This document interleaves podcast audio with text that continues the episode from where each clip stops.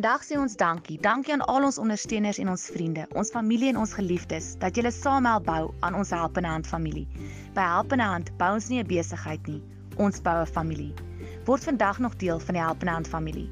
SMS familie na 45763 en ons skakel jou terug om seker te maak dat jy deel word van hierdie groot familie. Ons het 'n verskil gemaak die afgelope paar maande en ons wil voortgaan daarmee. Ons sal die pad vorentoe tree vir tree vat.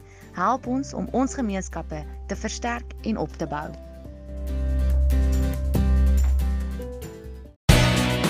Jy luister na Isak Du Plessis op Nieuwspot.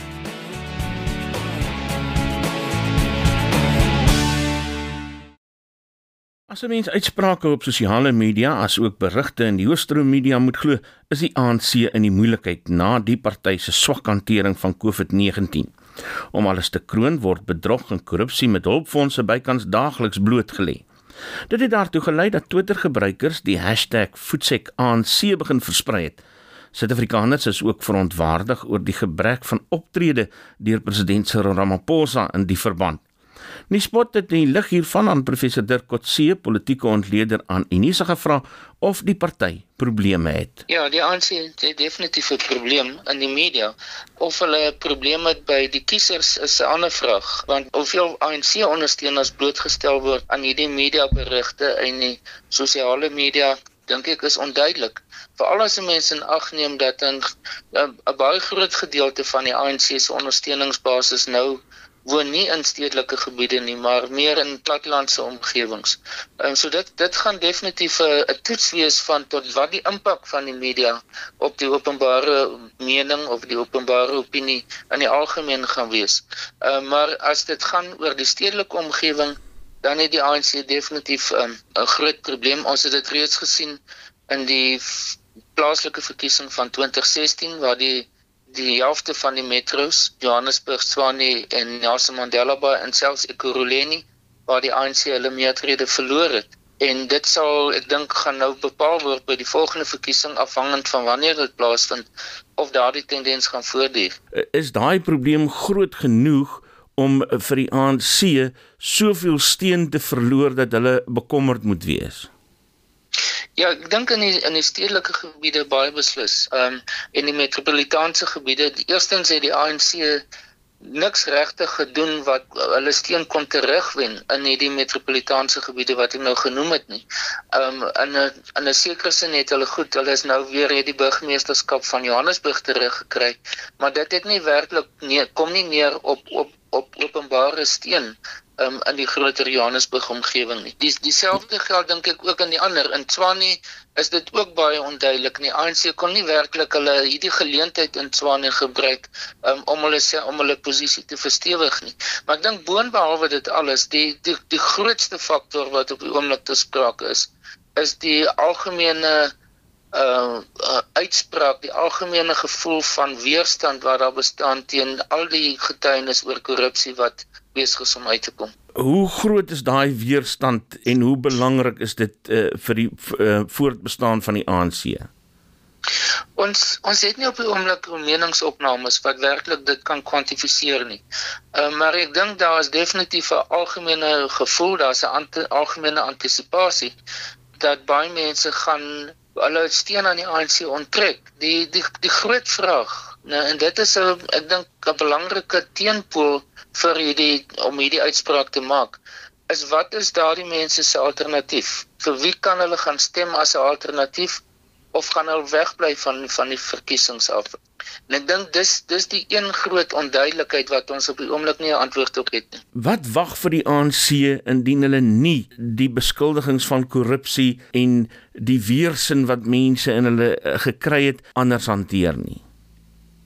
Maar ek dink in die eerste instansie gaan daar ehm uh, gaan daar 'n groter openbare veldtog te wees ehm um, met die die voetsek ANC beweging in op die uh, sosiale media um, is besig om nog meer momentum op te tel. Daar's in die in die konvensionele media is daar daagliks nou uh berigte en uitsprake en ek dink dit bou druk op teen die ANC dat hulle mense begin dit sien in die wyse waarop president Ramaphosa het reageer. Ehm um, sy uitsprake is en dit daarvoor moet mense hom krediet gee is konstant nou teen uh korrupsie. Hy het nou onder baie onlangs in verlede week het op Sondag het hy 'n brief geskryf aan aan die ANC-lede in die algemeen waarin hy 'n baie sterk uitspraak maak dat teen die laaste nasionale uitvoerende komitee vergadering het hulle steun aan hom toegegee of gegee vir sy uh, standpunte wat hy oor korrupsie in in die openbaar stel. Dis teenoor wat mense hoor van byvoorbeeld Ysma Gosule um, en dan die terugdruk beweging wat daar binne die ANC was aanvanklik voor die laaste nasionale uitvoerende komitee vergadering teen die uitsprake van president Ramaphosa. So ek dink daardie spanning is besig om baie beslis op te bou. Uh, maar met na my mening president Ramaphosa wat in die sterker posisie is, maar die die die die druk wat op die ANC is is hoe dit in die praktyk tot uitvoering moet kom. Ehm um, boonbehalwe die aanklagtes waarvoor mense vra uh deur die nasionale vervolgingsgesag is dit wat gaan binne die ANC en binne die ANC binne die regeringsgeleedere plaasvind om die uh die oorsake daarvan om die die die die fondam die die fundament daarvan om dit te verwyder want dis een ding om mense aan te kla um maar dit gaan nie noodwendig korrupsie verwyder nie Hmm. Um, dit gaan nie noodwendig mense die die, die korrup, korruptiewe netwerke uh, uh, tot tot einde bring nie. En ek dink dis wat vir my amper die belangrikste is, is wat gaan gedoen word om hierdie kultuur wat daar bestaan en die geleenthede wat daar bestaan, um, om daardie geleenthede te verwyder, om dit weg te neem, om dit toe te maak. Um, sodat daar nie die korrupsie nie kan voortgaan nie. Anders is dit bloot net dat die simptome aangespreek word, maar nie die werklike oorsake nie. Kom ons gesels 'n bietjie oor daai binnekant van die ANC. Uh, eh, President Cyril Ramaphosa blyk 'n beleerde man op die oomblik te wees van uh, omtrent alle kante af. Uh, as mens die media berigte glo, dan uh, uh, word hy uh, dan loop hy die risiko om sy leierskap van die party te verloor.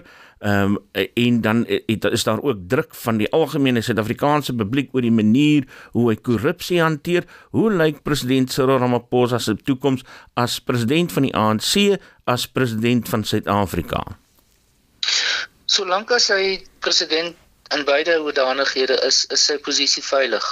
Wat ons gesien het met beide president Mbeki en president Zuma, sodra as wat daai twee posisies geskei word, dan raak 'n president kwesbaar. En dis gewoonlik wanneer hy nie meer ANC president is nie, maar nog steeds nasionale president.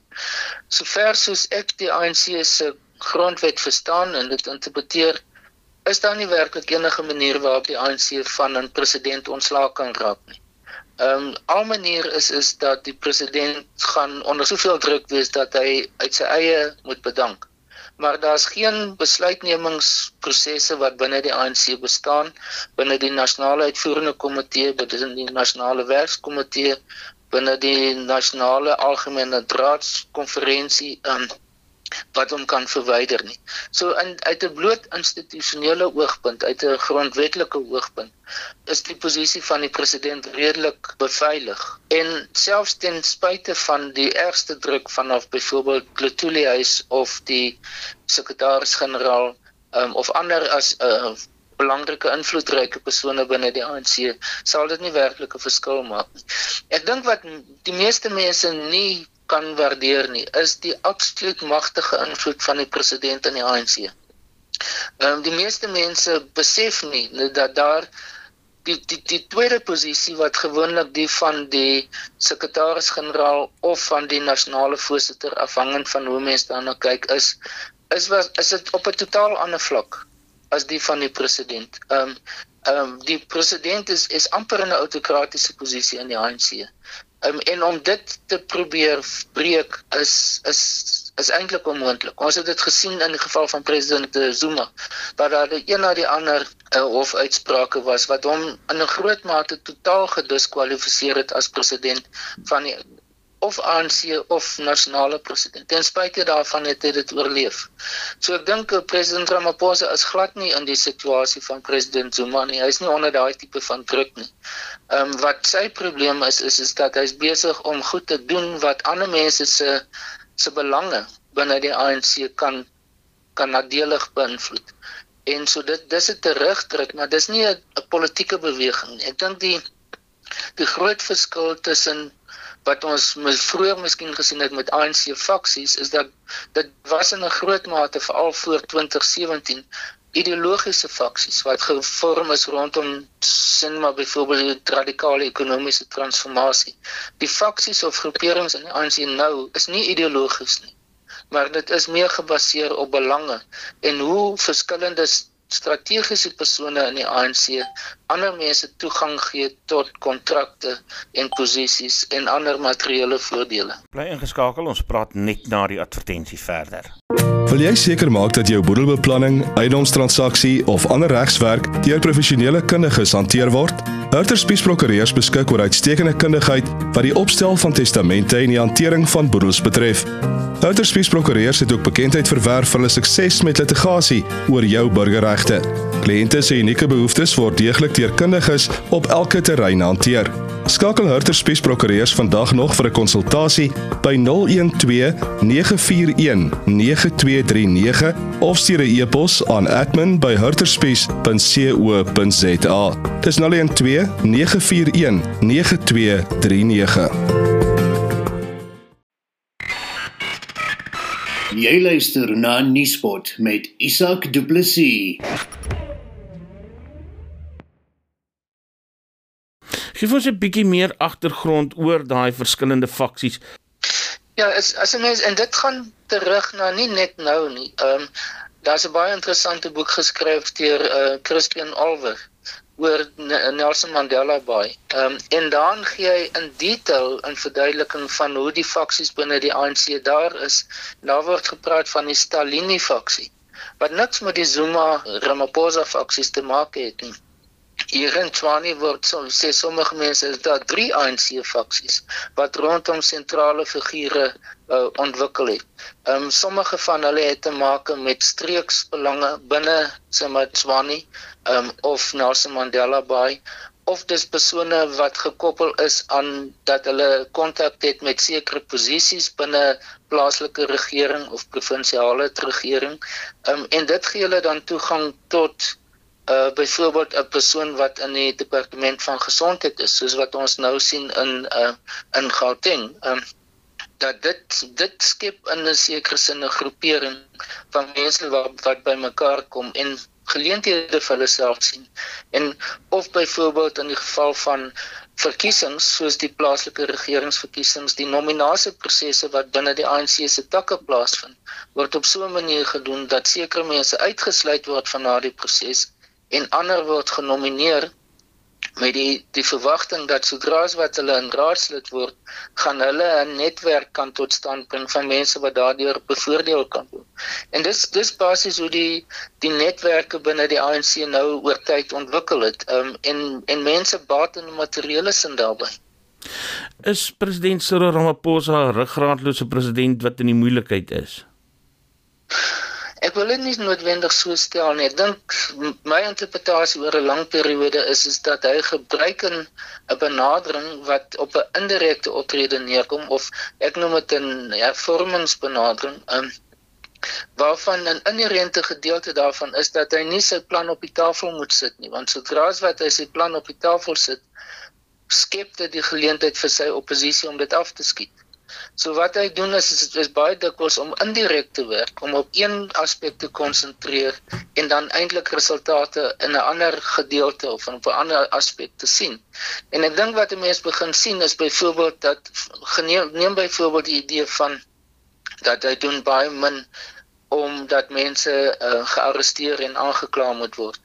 Uh, maar wat hy baie doen en hy kry nie daarvoor krediet nie, is is dat hy het byvoorbeeld die strafregtelike struktuur van die van die staat en dit beteken die intelligensiedienste, die polisiedienste, ehm um, en uh die nasionale vervolgingsgesag, die valke en ander omtrent al hierdie instellings se leierskap is totaal verander sedert hy president geword het. En die meeste Zuma figure in daardie uh, instellings is verwyder.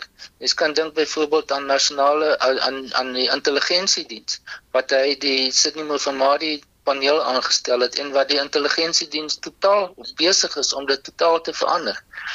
So en dit wat daarop neerkom is is dat dat dit 'n ander voorbeeld is SARS. Ehm um, wat besig is om op hulle voete te kom en wat eintlik instellings nou begin vestig het soortgelyk aan die sogenaamde drug eenheid van vroeër van Johan van Loggenberg en en Ivan Pillay en ander wat naaste by dieselfde werk weer begin doen. En as dit alles kan uiteindelik by mekaar uitkom, kan dit die netwerke waarvan ek net nou gepraat het, ehm um, en die maatskappye wat betrokke is en daarbey baat, kan dit besig is om hulle hulle deure toe te maak. En ek dink dis een van die aspekte wat ek van na verwys as nie noodwendig die simptome van van korrupsie nie, maar die oorsake van korrupsie. En ek dink president Ramaphosa is besig om meer vordering daar te maak as wat die meeste mense hom voor krediet gee. Daar is ontleeders wat meen dat hy eh, nie hierdie uh dalk nie is hierdie termyn gaan maak nie wat nog te sê van 'n tweede termyn wat is jou mening daaroor Wel dit dit wat ek nou net nou genoem het, dink ek is die agtergrond hmm. vir my standpunt dat hy uh dat daar behalwe as daar 'n besluit deur homself geneem word om te bedank, um is daar na my op in my oogpunt geen manier waarop sy term, sy eerste termyn voor die tyd tot 'n einde gaan kom nie. Um ek dink die tweede termyn dit nog daar was nog geen voorbeeld gewees van selfs in die mees ongunstige omstandighede en dit het gegeld vir beide president uh uh Mbeki uh, sowel as president uh, Zuma um kon ongunstige omstandighede omstandighede hulle weerhou daarvan om 'n tweede termyn as as 'n president verkies te word. Die enigste on, onseker faktor is of die ANC sy meerderheid gaan behou né as by verkiesings gestel die ANC se 54% wat hy nou het um, op nasionale vlak gaan onder 50% dan van sy spreek van die situasie totaal met betrekking tot wie die die president van die land is. Uh, president Ramaphosa het nou 'n uh, uh, on, in sy onlangse oproep tot aksie teen korrupsie het hy die ANC terugverwys na hulle besluite in 2017 by die nasionale kongres van die ANC. Dit lyk vir my na 'n goeie strategiese stap. Ja, dit is want dit is 'n uh, tot nou toe as hy in 'n mogritmate gekritiseer omdat hy nie die 2017 resolusies geïmplementeer het nie. Dit dan dit byvoorbeeld dit gaan oor die reservebank dit gaan oor uh die grondhervorming of die die die amendering van die grondwet. Ehm um, dit gaan oor die voorgeskrewe bates vir pensioen van pensioenfonde dit is alles waarvoor hy gekritiseer word. So as hy nou verwys na die nasionale konferensie se resolusies wat ten gunste van hom is of ten gunste van hom kan werk ehm um, maar wat ook nog nie goed geïmplementeer is nie dan het hy eintlik goeie gesag daarvoor. Boonbehalwe die feit dat dit die hoogste besluitnemingsliggaam van die ANC in elk geval is. So hy staan onder druk om om dit te implementeer. Want ten spyte van dit alles wat jy nou genoem het, bestaan daar die persepsie dat eh, president Ramaphosa regtig nie genoeg aan uh, korrupsie doen nie. Ehm um, goed soos die heraanstelling of herontplooiing van Zanele Gumede na die provinsiale raad toe die aanstelling van twee ANC-lede wat verdink word daarvan dat hulle met FBS te doen gehad het ehm um, die tipe goed laat mense sê maar die president het regtig nie 'n wil om korrupsie aan te spreek nie Ja, dit dit is die die teenstrydighede, die interne teenstrydighede wat bestaan en eintlik ons almal die mekaar maak. Ehm um, want dit is daar's in so, so hierdie uh insidente of gebeure waarna jy verwys eintlik beteken dat daar nie 'n konsekwentheid is in in sy boodskap nie. En ek dink dis dis een van sy grootste probleme is is dat mense dat daar is voor en teen argumente vir dit wat hy doen. Nou en ehm um, sy na my mening sy kommunikasie met die publiek in die algemeen het verbeter sedert die pandemie begin het, maar is nog steeds nie goed genoeg nie. Ehm um, En tweedens is hy uh, ek dink as daar nog politieke oorwegings en in beide die gevalle na waarna jy verwys is dit sodat dan politieke oorwegings was die alles oorheersende. Vat byvoorbeeld in Zandile Komedie se geval sê is die voorsitter of was die voorsitter van die eThekwini streek van die ANC wat die grootste streeks organisasie streeks uh, bestuur van die ANC in die land is. So dis 'n magtige posisie in KwaZulu-Natal. En ek dink dit was die hoofoorweging hoekom sy heraangestel is of nou in 'n nuwe pos aangestel is. Maar dit maak die die die morele of die etiese dimensie van die Ramaphosa leierskap dit ondermyn dit. Ehm um, en ek dink dis waar baie mense voel en en ek self ook dat uh, hy meer prinsipieel moet optree as wat hy tot dusver gedoen het. Bly ingeskakel, ons praat net na die advertensie verder. Nuuspot, jou Afrikaanse tuiste vir stories agter die nuus. Kom ons kyk bietjie na Ysmagashule se rol, daar word nou baie weer deesdae van hom gemaak. Hoe sterk is daai mag wat hy het? Net net soos wat ek verduidelik het die posisie van die van die president in die ANC is in dieselfde mate is die sekretaris-generaal eintlik ook onaantastbaar. Ehm um, daar is in die ANC se grondwet ook nie enige reg uh, prosedures waardeur enige van die top 6 eintlik verwyder kan word nie. So dit dit maak dit moeilik vanuit 'n ANC se interne perspektief om om enigiets aan hom te doen.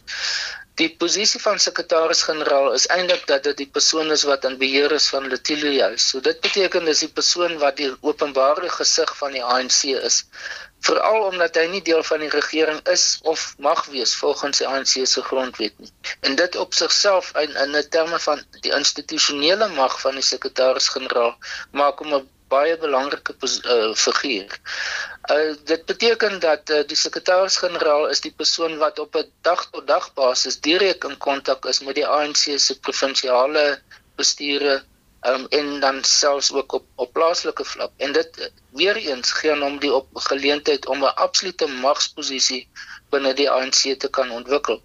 Ek dink wat president Ramaphosa probeer is om te kyk tot watter mate hy die die nie van Ysmakashule ontslaak kan raak nie, maar eerder sy invloed kan erodeer. Um en ek dink een een van die maniere was byvoorbeeld om 'n groot deel van sy kommunikasie met die publiek te probeer verminder en om president Ramaphosa se se se vlak van kommunikasie met die publiek te verhoog. Mens dink byvoorbeeld aan sy brief wat hy elke maandagooggend per e-pos na baie mense stuur. Ehm um, die feit dat hy in sommige gevalle na nasionale uitvoerende komitee vergadering self die perskonferensie hanteer ehm um, en en soortgelyke ehm um, stappe wat hy doen. Maar dit neem nie weg die die prominensie van Ysma Persule nie. Ek dink die die toets van Ysmagashule gaan werklik kom by in volgende wel eerstens die plaaslike verkiesings en tweedens die volgende nasionale en veral provinsiale verkiesings want sy mag lê in die eerste instansie nog steeds in die Vrystaat. En as die Vrystaat op die oomblik is die Vrystaat se plaaslike owerhede omtrent almal onder administrasie. Ehm um, dit is ook sy magsbasis gewees in terme van hoe hy sy die korruptiewe optrede kon kon loods. Hy het uh, die provinsiale regering gebruik of eintlik plaaslike regering gebruik uh, via die provinsiale regering om projekte op plaaslike vlak te te skep waaruit die korrupsie kon kon vloei.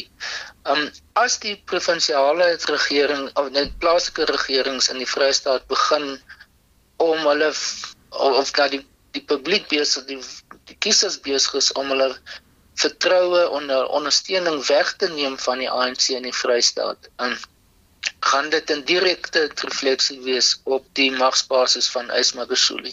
Want dit is dis sy primêre magsbasis. Ehm um, as dit dieselfde gebeur byvoorbeeld in die Noordwes provinsie waar in Supremo Mapelo steeds probeer om 'n sentrale figuur te wees. Ehm um, en dieselfde logika geld daar ook. Dan gaan die ou uh Premiersliga wat in 'n sekere sin nog tussen hierdie twee provinsies bestaan, gaan dit onderdruk wees. En ek dink dit gaan dan as dit nie meer die werklike magsbasis kan wees vir Ysma Besuli en gaan sy gaan sy aansprake binne die ANC baie baie verminder. Het daai premiersliga nog enige uh, mag binne die party? Tussen die twee provinsies, maar soos ons almal weet, uh, die adjunct, die adjunct president uh, David Mabuza is 'n uh, baie is 'n figuur wat 'n mens nie op die oomblik regtig kan navolg nie. Waar hy is en wat hy doen en hy is nie duidelik nie 100% deel van hulle meer nie. Um, hy is besig met sy eie agenda. Um, en as gevolg daarvan dink ek dit is is dit is daardie struktuur nie meer so prominent in die ANC nie en dan KwaZulu-Natal onder uh sekerlik sekerlik is besig om in 'n groot mate 'n eie rol nou te speel en is nie meer in dieselfde verhouding tot die premiersliga as vroeër nie. ek wou nou juist vir jou gevra het oor oor David Mabuza. Ek onthou die dag toe hy aangestel is of in die tyd toe hy aangewys is as adjunkt president toe te ontleder soos Piet Kroukamp een keer gesê dit eh, dit spel groot gevaar want David Mabuza is nou iets soos 'n hartklop ver daarvan om die volgende president van Suid-Afrika te word. En en sy rol in die party was toe baie sterk maar jy het nou tereg gesê mense hoor amper niks meer van hom nie. Jy, jy sê hy's besig met 'n uh, eie agenda.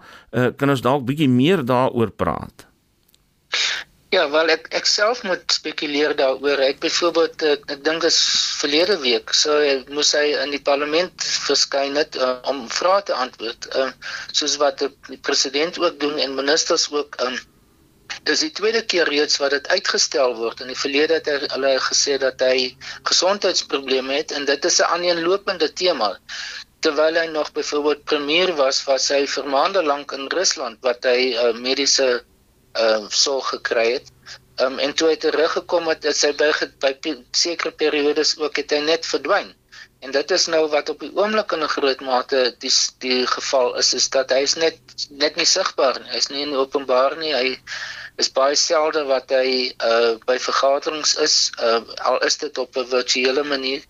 Ehm um, so dis dis baie onduidelik wat hy die rol wat hy speel. Ek ek dink wat hy terselfdertyd skep dit die geleentheid vir iemand soos Lindiwe Sisulu om te probeer om haar aanspraak op uh die adjunkt presidentskap te probeer bevorder. En dit skep 'n groot mate mate van onsekerheid binne die ANC oor want daar's 'n vloeibaarheid nou op die op die tweede vlak, op die adjunk vlak van wie werklik die volgende figuur gaan wees of die, is dit is dit die natuurlike opvolger van president Ramaphosa? Of gaan dit iemand anders moet wees? Want on, ons weet sy voorkeur was eintlik na na Lady Pandor um, as adjunk president. So die die posisie van adjunk presidentskap is na my mening in 'n onder die posisie onder David Mabuza is besonder vloeibaar. Want die David Mabuza se se hele aanspraak was daarop dat hy sy ondersteuning van het Mpumalanga kon gee vir president Ramaphosa en dit eintlik op die laaste oomblik wegvat van die Zuma of Lamini Zuma groepering Um, en dis vir verseker dat president Ramaphosa verkies kon word as ANC president. Um hierdie dinamika of hierdie magsverhouding binne die ANC het hoogs waarskynlik verander. En soos ek sê die die premiersliga is nie meer so prominent soos wat dit van tevore was nie. KwaZulu-Natal is in 'n totaal ander posisie as wat hulle was um in verhouding met president Ramaphosa eh, en Dr. Lamini Zuma. So die die moontlike aansprake wat uh, by 'n volgende nasionale konferensie van die ANC deur Mpumalanga gemaak kan word as eintlik die sogenaamde kingmaker, uh, gaan waarskynlik nie daar wees nie. Um, en terselfdertyd gaan David Mabuza se aansprake dis ook radikaal verander. Um, en dis die onsekerhede waaroor ons almal spekuleer op die oomblik. Te midde van hierdie onsekerhede, wat kan die oppositie doen om dit hier uit te slaan? Die ironie is die oppositie is amper in dieselfde situasie. Ehm um, die DA het sy interne uh probleme, eie probleme. Ehm um, ons weet van Mosimane wat weg is, Helen Zille wat teruggekom het, Gwen en Gwenya wat uit is en weer teruggekom het. Abel Tau hier van uh Swane wat uit is en uh Urban Mashaba is die EFF het soortgelyke probleme. Hulle het uh, hulle doen nie baie goed op plaaslike vlak nie. Hulle het hulle kingmaker rol in in die metros waar hulle betrokke was, uh Tshwane, Johannesburg, Nelson Mandela het hulle in al drie gevalle verloor. Um hulle hoofondersteuningsbasis as dit kom net by die hoeveelheid stemme wat hulle kry is hoofsaaklik is uit en uit Gauteng. Um, in Noordwes en Limpopo is hulle nog natuurlik die oppositiepartye, maar veral vir plaaslike regering is hulle probleem dat hulle ondersteuningsbasis primêr jong mense, maar jong mense stem nie in plaaslike verkiesings nie. So hulle het nie 'n goeie vooruitsig vir plaaslike verkiesings nie. Um in geval van Urban Mashaba, baie binnekort gaan hy sy sy party loods as as alles die gaan volgens plan. Ehm um, hy het waarskynlik 'n kans in Gauteng, maar ehm um, soos wat ons gesien het met die geval van Patricia de Lille en haar party, die Good Party, is dat dit is moeilik vir so 'n groepering om nasionale uh, ondersteuning te ontwikkel. De, en ek dink dit is dit gaan ook die geval met Urban Mashaba wees. Ehm um, in plaaslike verkiesings gaan daar waarskynlik meer onafhanklikes na vore tree, veral in die kleiner dorpe uh, waar dan reeds die Karoo se baie goeie voorbeeld waar die Karoo gemeenskapsorganisasie so 'n rol die afgelope tyd speel. Um en dan in die geval van van byvoorbeeld KwaZulu-Natal, as mens kyk na verlede jaar se verkiesing, die tendens daar die EFF het goed gedoen daar, uh, 9% meer steun gekry. So as die ANC gaan steun verloor in die algemeen, gaan die partye wat miskien daar staan om dit op te vang is die IFP en die EFF, maar dis beperk tot KwaZulu-Natal wat in die ander provinsies die geval gaan wees. Ehm um, is me, is meer onduidelik. Ehm um, die Wes-Kaap, ek dink daar die ANC was nog nooit die afgelope tyd in 'n sterk posisie nie en die hulle het winste getoon verlede jaar. Ehm um, in plaaslike tussenverkiesings, maar ek dink gegee wat die huidige situasie gaan hulle waarskynlik dit weer verloor. Ehm um, en wat moontlik gaan wees, ek dink vorentoe gaan meer veral op plaaslike vlak gaan meer koalisie regerings wees want dit gaan neerkom as mense nie weet vir wie hulle stem as die as dat daar nie 'n sterk alternatief is nie is dan begin al vir verskillende partye stem en dit gaan gewoonlik lei na 'n mate van fragmentering wat dan tot koalisieregerings lei. So dit dit is sien ek as 'n moontlike vooruitsig vir die nabye toekoms. Dit was professor Dirk Kotse, politieke ontleder aan Unisa. Ek is Isak Du Plessis.